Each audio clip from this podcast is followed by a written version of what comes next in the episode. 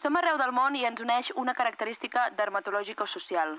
Companyes rosades, unim-nos. Som aquí per reivindicar que cal acabar amb les evidències. Efectivament, no hi ha necessitat de dir-li a una persona que s'ha posat vermella perquè la persona que s'ha posat vermella ja sap que s'ha posat vermella i que li recordis només la farà posar més vermella. Les persones que ens posem vermelles per absolutament tot existim i algunes fins i tot el duen posat tot el dia. Si seguim la regla dels 3 segons, no facis cap comentari sobre el cos d'una altra persona que no es pugui canviar en 3 segons, el «Mireu, s'ha posat vermella!» sobre absolutament en totes les circumstàncies. Per tal de fer entendre millor les nostres reivindicacions, ens disposem a exemplificar-ho. 1. Quan riem molt i ens indiqueu que ens hem posat vermelles, deixem de sentir felicitat i passem a sentir vergonya. Gràcies per fotre'ns al moment. 2. Quan molta gent ens està mirant i ens posem vermelles, ho notem i segurament sigui per nervis i o vergonya. Si ens ho indiqueu, només augmenteu aquests sentiments i, en conseqüència, la intensitat del color vermell. 3. Que ens posem vermelles quan parlem amb algú no significa que ens agradi la persona. Pot voler dir que ens fa respecte parlar-hi, que ens està preguntant sobre alguna cosa que no ens esperàvem o simplement que tenim vergonya o por de fer el ridícul. 4. Quan no controlem la situació, també tendim a posar-nos vermelles. Necessitem un temps de marge per calmar-nos i rebaixar el to de la pell. Quan ensenyaleu que ens hem posat vermelles, només s'aconsegueix perllongar el temps necessari per aconseguir tornar a tenir el control de la situació. 5. Quan tenim calor, hem fet exercici o ens hem cremat, també ens posem vermelles i també ho notem. No cal començar cada conversa amb el recordatori perquè també és una pèrdua de temps, d'energies i explicacions prescindibles. 6. Quan recordem alguna cosa que ens fa vergonya del nostre passat, també ens podem posar vermelles no té res a veure amb el que està passant al nostre voltant en aquell moment. Deixeu-nos en pau. 7. El que és més important. Quan no ens volem posar vermelles és quan més ens hi posem. Demanem col·laboració i desviar l'atenció a altres persones, temes o llocs. Demanem, doncs, que s'elimini per complet la convenció social de caràcter inútil – cruel i contraproduent d'assenyalar a una persona quan es posa vermella i, sobretot, normalitzar la reacció per tal de trencar amb l'opressió social relacional que patim les persones que ens posem fàcilment vermelles. Si us plau i gràcies. Atentament, nosaltres. Va, silenci, que comencem l'ensaig.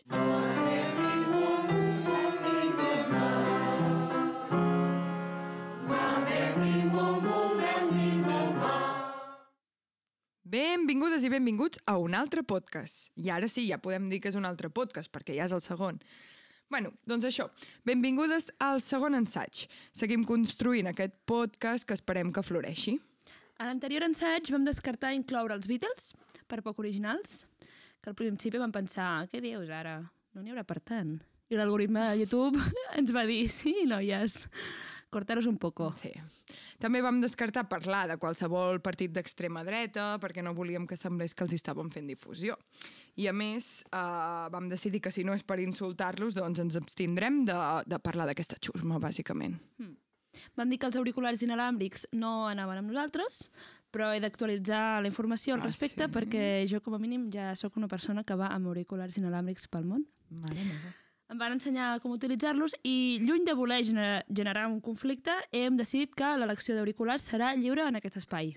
És a dir, cadascú farà el que, el que vulgui. Vale. Aquest és un espai Perfecte. lliure d'imperatius auditius. Perfecte, perquè això jo no sí, en segueixo, tinc. segueixo trucant la gent sense voler. Ah, bueno, sí, també, sí sorpresa. Bueno, també ens vam dedicar a fer una declaració d'intencions i us vam explicar una mica els nostres fàstics, tot i que crec que ens, ens, va, ens en vam deixar uns quants, no, Agnès? Mm, ens vam deixar de dir que un munt de fàstics, bàsicament, com el fàstic que ens fa l'estat opressor i les retallades dels nostres drets. Sí, crec que aquestes són importants, no ens les hauríem d'haver deixat. També ens fan fàstic els abraça contenidors, no sé, és un concepte així que fa fàstic, així en general i ara últimament doncs més. Mm. També ens fan fàstic els violadors impunes com Marilyn Manson. També, molt. Crec que tot això, de fet, és odi més que fàstic. Sí, També fàstic. hi ha fàstic, però és odi. Les dues coses, però així, mira, ja ho hem posat, ja ho hem dit i ja està. Iapa. Vale. Per Total, que és una, una llista de, de mai acabar.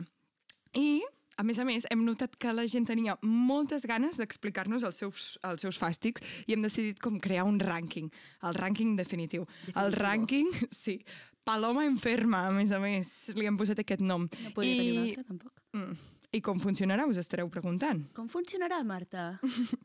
Doncs, bàsicament l'hem gestionat per Instagram, perquè ara tot es gestiona així.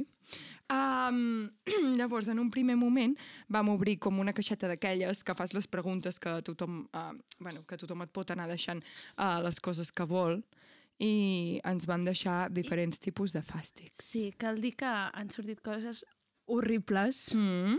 encara que ningú superi els pinyols d'oliva. Bueno, parlem-ne.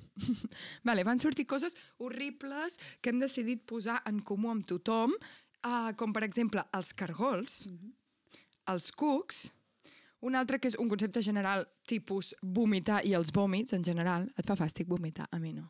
No ho faig gaire. Bueno. Um, les granges de gallines, que això em sembla increïble. A Mataró n'hi ha, ha una... Bueno, una, sí, una fàbrica de Però, gallines di, que fa o molta sigui, pudor. in, definir que et fa fàstic les granges de gallines és com algo com molt concret. Hi ha una dir. experiència al darrere. Exacte. Vale, sí, jo que crec que, es és un diu trauma. anar a fer cua al club i haver d'olorar la, la fàbrica de pollastres. Ah, Segurament doncs, aquesta Deu persona. ser això. Sí. Llavors també ens han dit que fa fàstic uh, box, que fa fàstic les ungles dels dits dels peus a l'estiu, Mhm. totalment, i una nevera per darrere. Una nevera per darrere eh, eh, deien que era lletja, no? No que Sí, feia fàstic. bueno, és que si bueno, no la tens neta, potser- si no exacte, m'entens. Bueno. Exacte, pot fer fàstic. També ens havien dit el terra de ciment moll escalfat pel sol. Molt concret, també. Sí, molt concret. Els pitis apagats en un got d'aigua. Mm. No sé, apagueu-los en un altre lloc, cendrer, per exemple. Tocar roba o paper amb les mans seques, això sí que jo ho comparteixo Ai, bastant. sí, jo també. I també un hater de les faltes d'ortografia, comentari del listillo repel·lent de la classe, ell ja sap qui és. Mm -hmm. Bueno, en definitiva, que volem donar les gràcies per totes les aportacions. Sabem que el món dels fàstics és fascinantment infinit i us deixem uns dies més, a partir del podcast, de que surti el podcast, per poder aportar alguns fàstics més. I llavors començarem les votacions. Vale, sí. En aquest rànquing hem de tenir clar que es votarà de l'1 al Paloma Enferma, entenent 1 com a cosa que us fa poc fàstic Mhm. i Paloma Enferma al top dels fàstics. És individual. Exacte. Bueno, sí. Sí, sí, sí. Doncs això, aviat podreu votar eh, el fàstic que us fa cada una de les propostes i a partir d'aquí crearem aquest rànquing, aquest ordre de coses fastigoses i les anirem destapant de menys a més. De manera que l'últim fàstic que direm d'aquí uns programes serà el guanyador del Paloma Enferma 2021. I tindrem premi, Marta? Uh, em confirmen pel pinganillo que sí, que la persona que hagi proposat el fàstic guanyador tindrà un premi. Uau.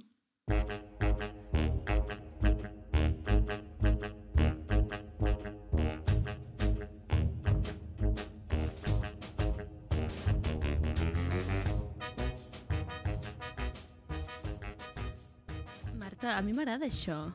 Sí, vam generar moltes expectatives al, a l'ensatge anterior, quan vam parlar dels guilty pleasures, això no és un guilty Ja, un pleasure. moment, un moment, és que no, no, no és aquesta. Vols que et sorprengui? A veure, a veure... No et puc sorprendre. Bueno, uh, primer he pensat que cal explicar una mica uh, per totes aquelles persones que no sàpiguen què és un guilty pleasure, com jo tampoc ho sabia fa menys d'un mes, un concepte d'aquests així com que he adquirit ara com ja tard i m'han fet rejuvenir una mica, en plan, sé què és un guilty pleasure. No, va, La secció de les tresines és una altra, eh? vale.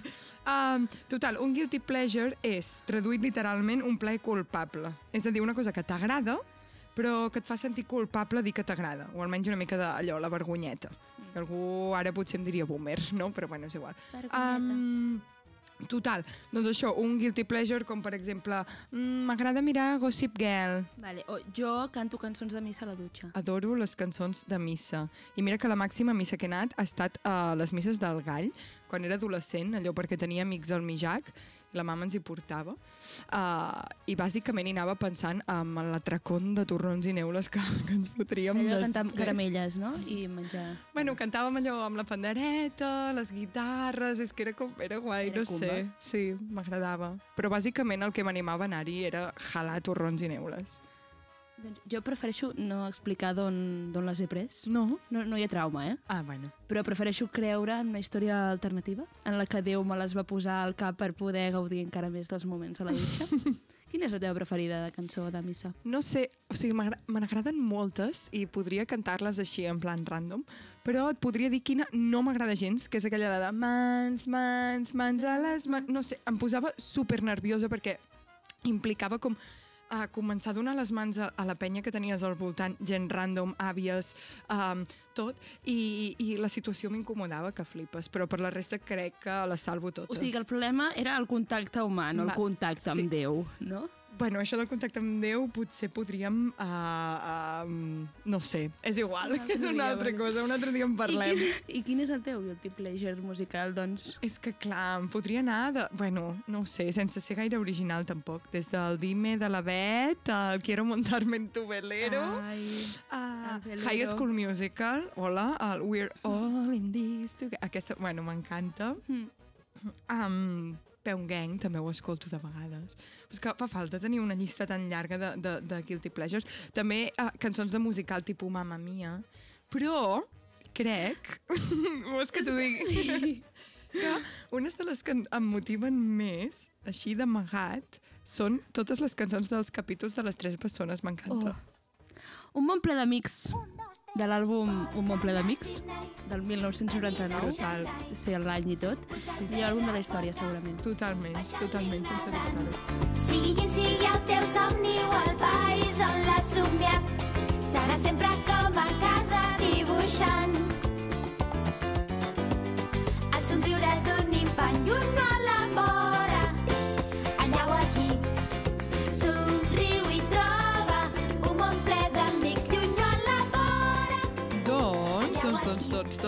aquestes són les que... Bueno, és que m'encanta escoltar-les, així com...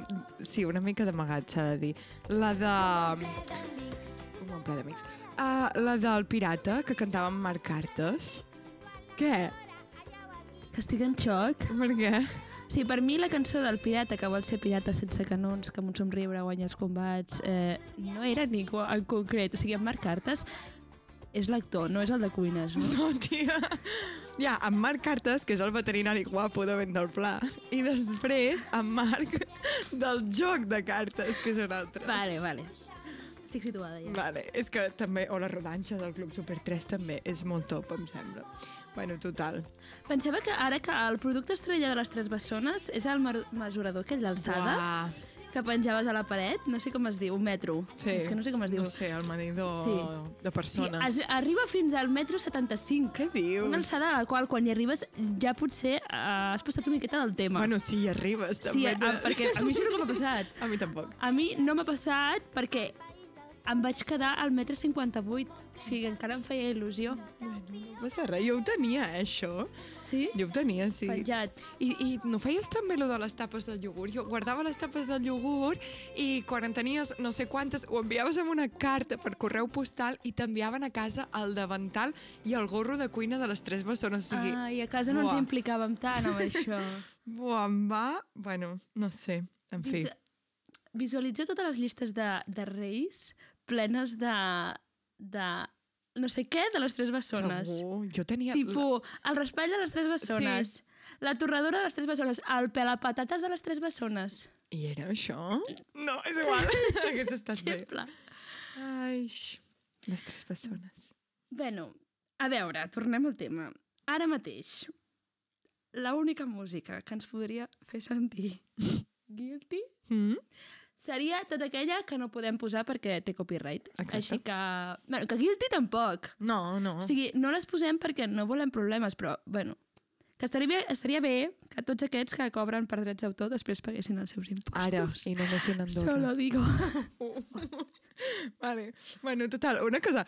Vas veure, ara que dius això, um, vas veure què feien als Estats Units? O sigui, els polis posaven cançons dels Beatles, igual d'originals que nosaltres, um, Som a com un les- poli d'Estats Units. Sí.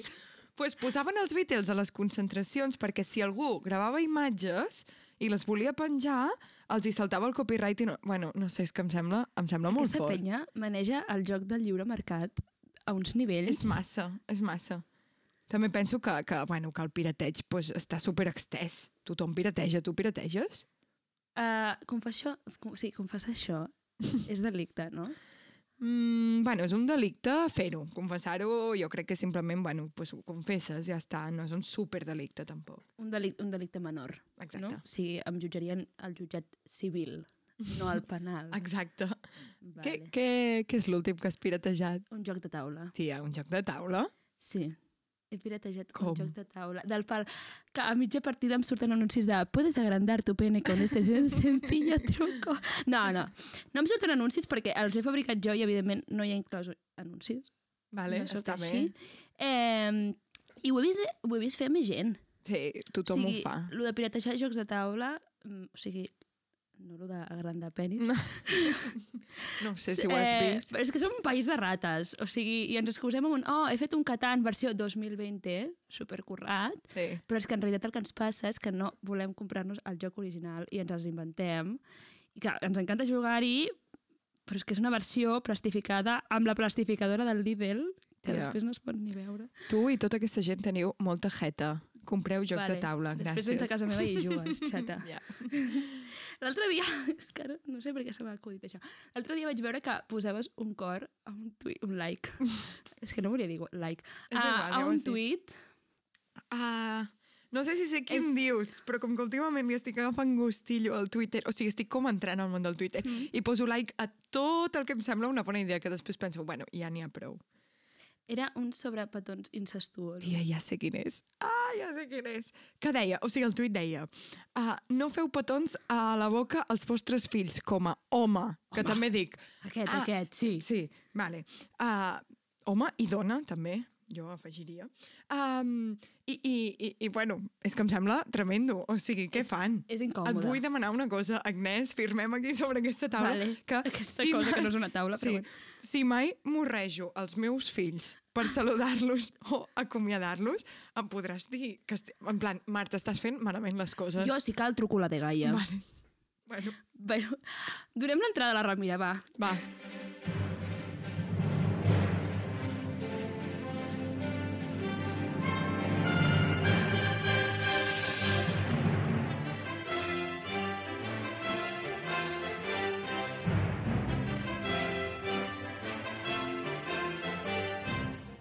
Ei, sóc la Ramira la Cabra. Avui hem vingut fins a la farinera Teixidor a veure si podem parlar amb un fariner de debò. Podem tallar això? Que no volia començar dient, ei, no queda gaire professional. Estàs fent que no. Vale. Conti continuo, doncs. Vale. Actualització! Portem dues hores a l'entrada de la farinera i encara no ha entrat ni sortit ningú. Però podem observar un edifici molt bonic amb el que ens hem fet una foto. Me posaré a la foto de perfil de Twitter.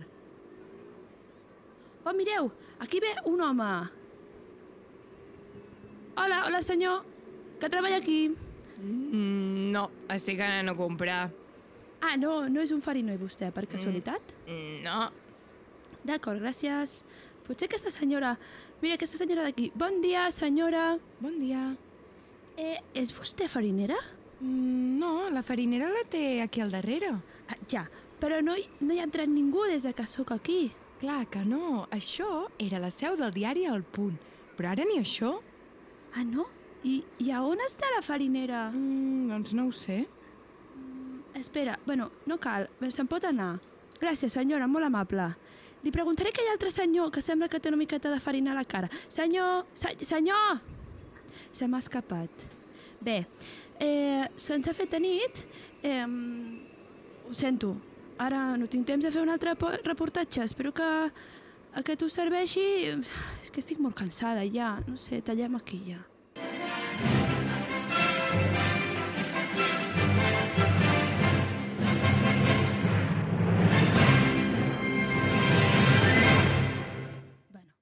Haurem de parlar amb ella per deixar clares algunes, algunes cosetes, crec. Bueno, mm, sí. Podem enviar-li un mail? Bueno, no ens ha contestat mai cap correu que li hem enviat, tampoc. Tampoc té WhatsApp. Tu saps on viu? Ni idea. I com, i com ens envia els reportatges? Ara que hi penso. Tia, ens els deixa aquí a la porta. Mare meva. Bueno, serà difícil. Sí, ho serà. La dicotomia. Som-hi, doncs, ja ho sabeu. Dos conceptes, dues persones, dues idees, el que sigui. I n'haureu de triar una de les dues. No esperem resposta, tampoc. Simplement que se us generi un debat intern i que us distregueu una estona. Només recordo eh, que la primera dicotomia que em vas Bueno, proposar... tranqui. Tranqui, avui està bé. Suprema. Vale.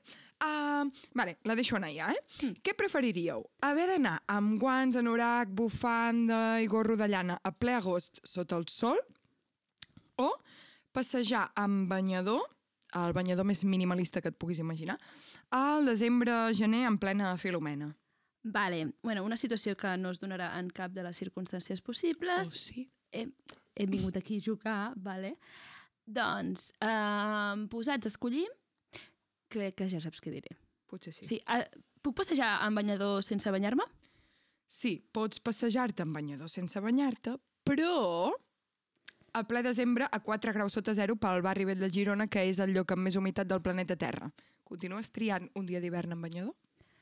Uh, bueno, segurament no sigui el lloc amb més humitat del planeta Terra, perquè ets una puta exagerada, però sí, continuo triant un dia d'hivern amb banyador i amb l'esperança que aquell dia faci sol, que si no el plan pues, ja té algunes fissuretes. Bueno, ja.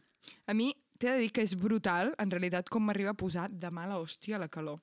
Però, tot i així, crec que, que prefereixo la calor abans que passar fred. És que uf, la fred aquesta que t'entra dins els ossos, és que uf, quan tinc tanta fred no puc fer res. La fred, és que atorgant-li feminitat a la fred. Totalment i sense cap dubte. Vam dir que no faríem discriminacions dialectals, no? No, les faig. És que encara no m'acostuma això de la tomata i aquestes coses. Ai, tomata, paraules acabades amb mut, trucut, menjut... ASMR per les orelles. Increïble. Si els nostres oients haguessin de fer una sentadilla cada cop que la Marta diu la paraula increïble, això seria, bueno, seria un altre programa. Seríem la Patri Jordan, però en plan passiu-agressiu. Venga, vamos, no te rindas, te estoy viendo.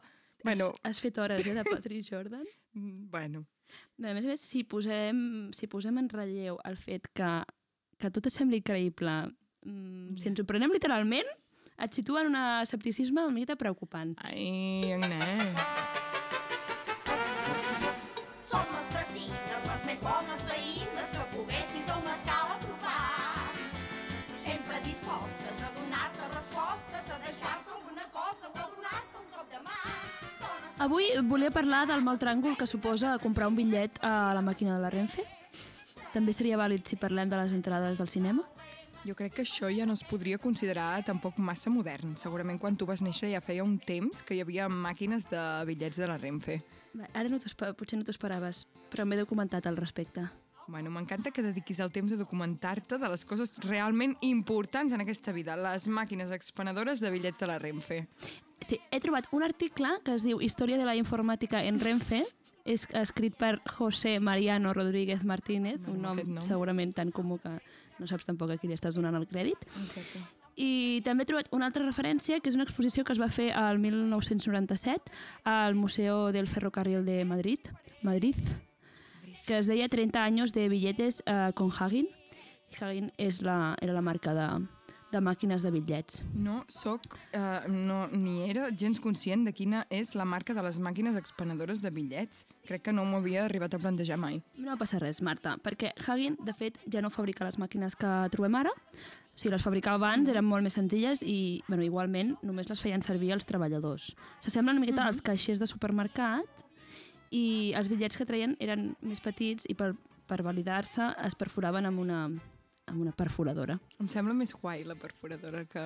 Bueno, no Més sé. vintage? Sí. Eh, en diuen de tipus cliché d'aquestes màquines. Clic. Vale. I ara com queda la cosa? No sé on, vull dir, no sé on vols anar a parar amb, amb, tota, amb tota aquesta informació que Ja. has extret. Ja, no, sé, vull dir, no sé en quin moment vaig decidir que seria bona idea llegir-me un article de 25 pàgines sobre la història de la informàtica de la Renfe. Vale, però un article acadèmic o un article del VilaWeb? Acadèmic, acadèmic. Vale. Però no, o sigui, no me'l vaig llegir tot, eh? Amb el temps he, he après a llegir en diagonal. Doncs jo crec que amb el temps no he aconseguit entendre per què es diu llegir en diagonal, perquè realment Ah. no llegeixes en diagonal. Un moment, vaig a buscar instruccions de com llegir en diagonal. Vale, jo continuo, eh? Sí, endavant. El fet és que cap als anys 80, a veure que ho tinc aquí apuntat, eh, es plantegen de substituir les Huggins per alguna cosa informàticament més elaborada. Uh Mhm. -huh. Aleshores, incorporen el sistema Vizir, que té nom de càrrec polític islàmic, però en realitat vol dir venta integrada sin reserva.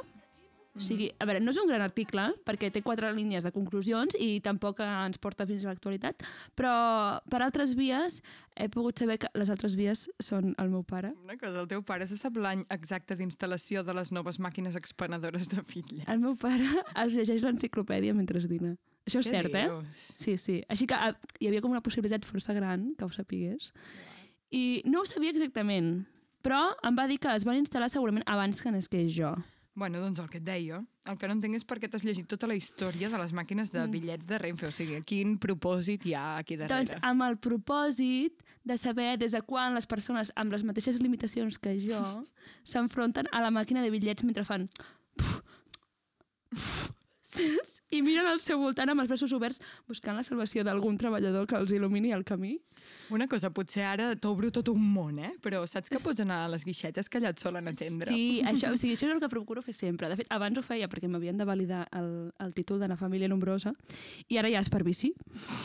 Fins que posin una fotografia teva a totes les estacions de tren avisant Alerta turres sobre la història de la informàtica de la Renfe. A veure, el dia que em converteixi en un personatge d'aquest tipus, sí, porto molts anys intentant convertir-me en un personatge així, doncs ja està. Ja no necessitaré res més més a la meva vida. Bueno, està bé. Puc- puc apostar per aquesta T'informo, t'informo, que... Uh, bueno, informo a tots els nostres oients també, que he buscat això de llegir en diagonal. I Vale, les a veure. instruccions són les següents, per si algú li interessa. Um, S'ha de fer el següent. Lee la primera línea del párrafo y, sin concentrarte en ninguna palabra en concreto, pasa la vista desde el lado izquierdo en diagonal hasta la esquina derecha. Mientras haces esto, debes estar pendiente de las palabras que hay alrededor. Tu visión periférica retiene más vocablos de los que piensas, sobre todo aquellos que están destacados. Tu mirada se detendrá en aquello que esté resaltado. Ese culo de gallina. és que no t'està sortint gens bé això de no parlar castellà. Ho has fet moltes vegades ja. Ni, ni, ni, ni, ni, ni, ni. Bueno, ja no ho faré més. L'acudit de merda. Bueno, aquest és l'informal, ¿vale? Si et fa riure, ja t'ho gravaré bé. I a més que hi ha un eco aquí que sembla una catedral gòtica, tio. Que ni la nau de Girona. Bueno, en fi. Um, total, l'acudit fa així. Això era un francès que tornava cap a casa borratxíssim, borratxíssim, i li entra pixera. Diu, bueno, veu un molí, veu que hi ha tot de farina i es posa allà a pixar. I clar, el moliner de cop comença a escoltar una, r- un regaret que cau a la farina, surt a la finestra a mirar i veu el tio allà pixant. I diu, què fots aquí? Surt d'aquí, no sé què. I el francès li contesta, je ne comprends pas, je ne comprends pas. I el moliner li diu, collons, ja sé que no em compraràs pa, però no t'empixis la farina, almenys.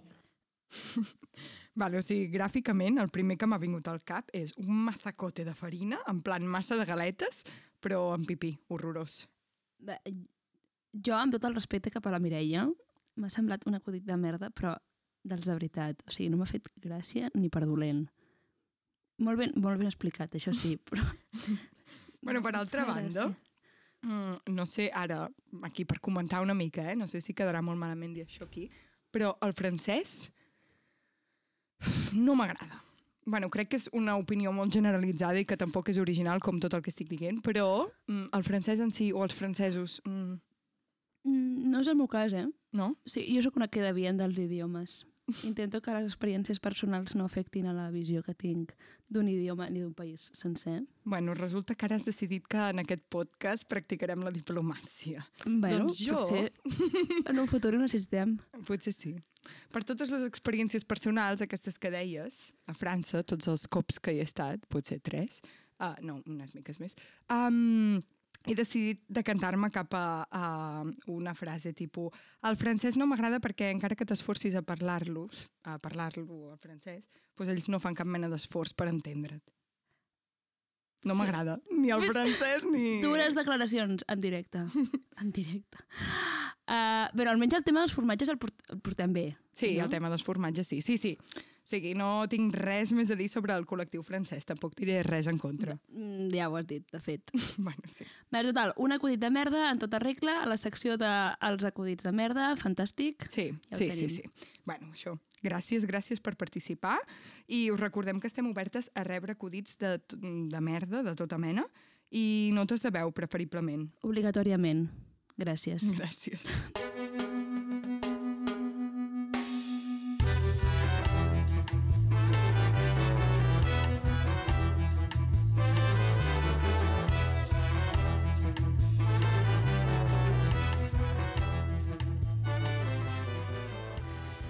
Visquéssim en un món en què l'única activitat permesa durant el temps lliure fos córrer, quina seria l'habitació més neta de casa vostra? És el contrafàctic que vam plantejar al capítol anterior i hem rebut algunes respostes interessants. La Maria ens diu que seria o bé la sala d'estar perquè la gent no faria el Netflix o la cuina perquè la gent no es posaria a fer les cocinilles. Quin vocabulari més elaborat, el de la Maria. En Roger ens diu que probablement seria l'entrada, on no hi hauria coses pel mig. Bueno, jo crec que en Roger ens haurà d'explicar una mica millor aquest raonament.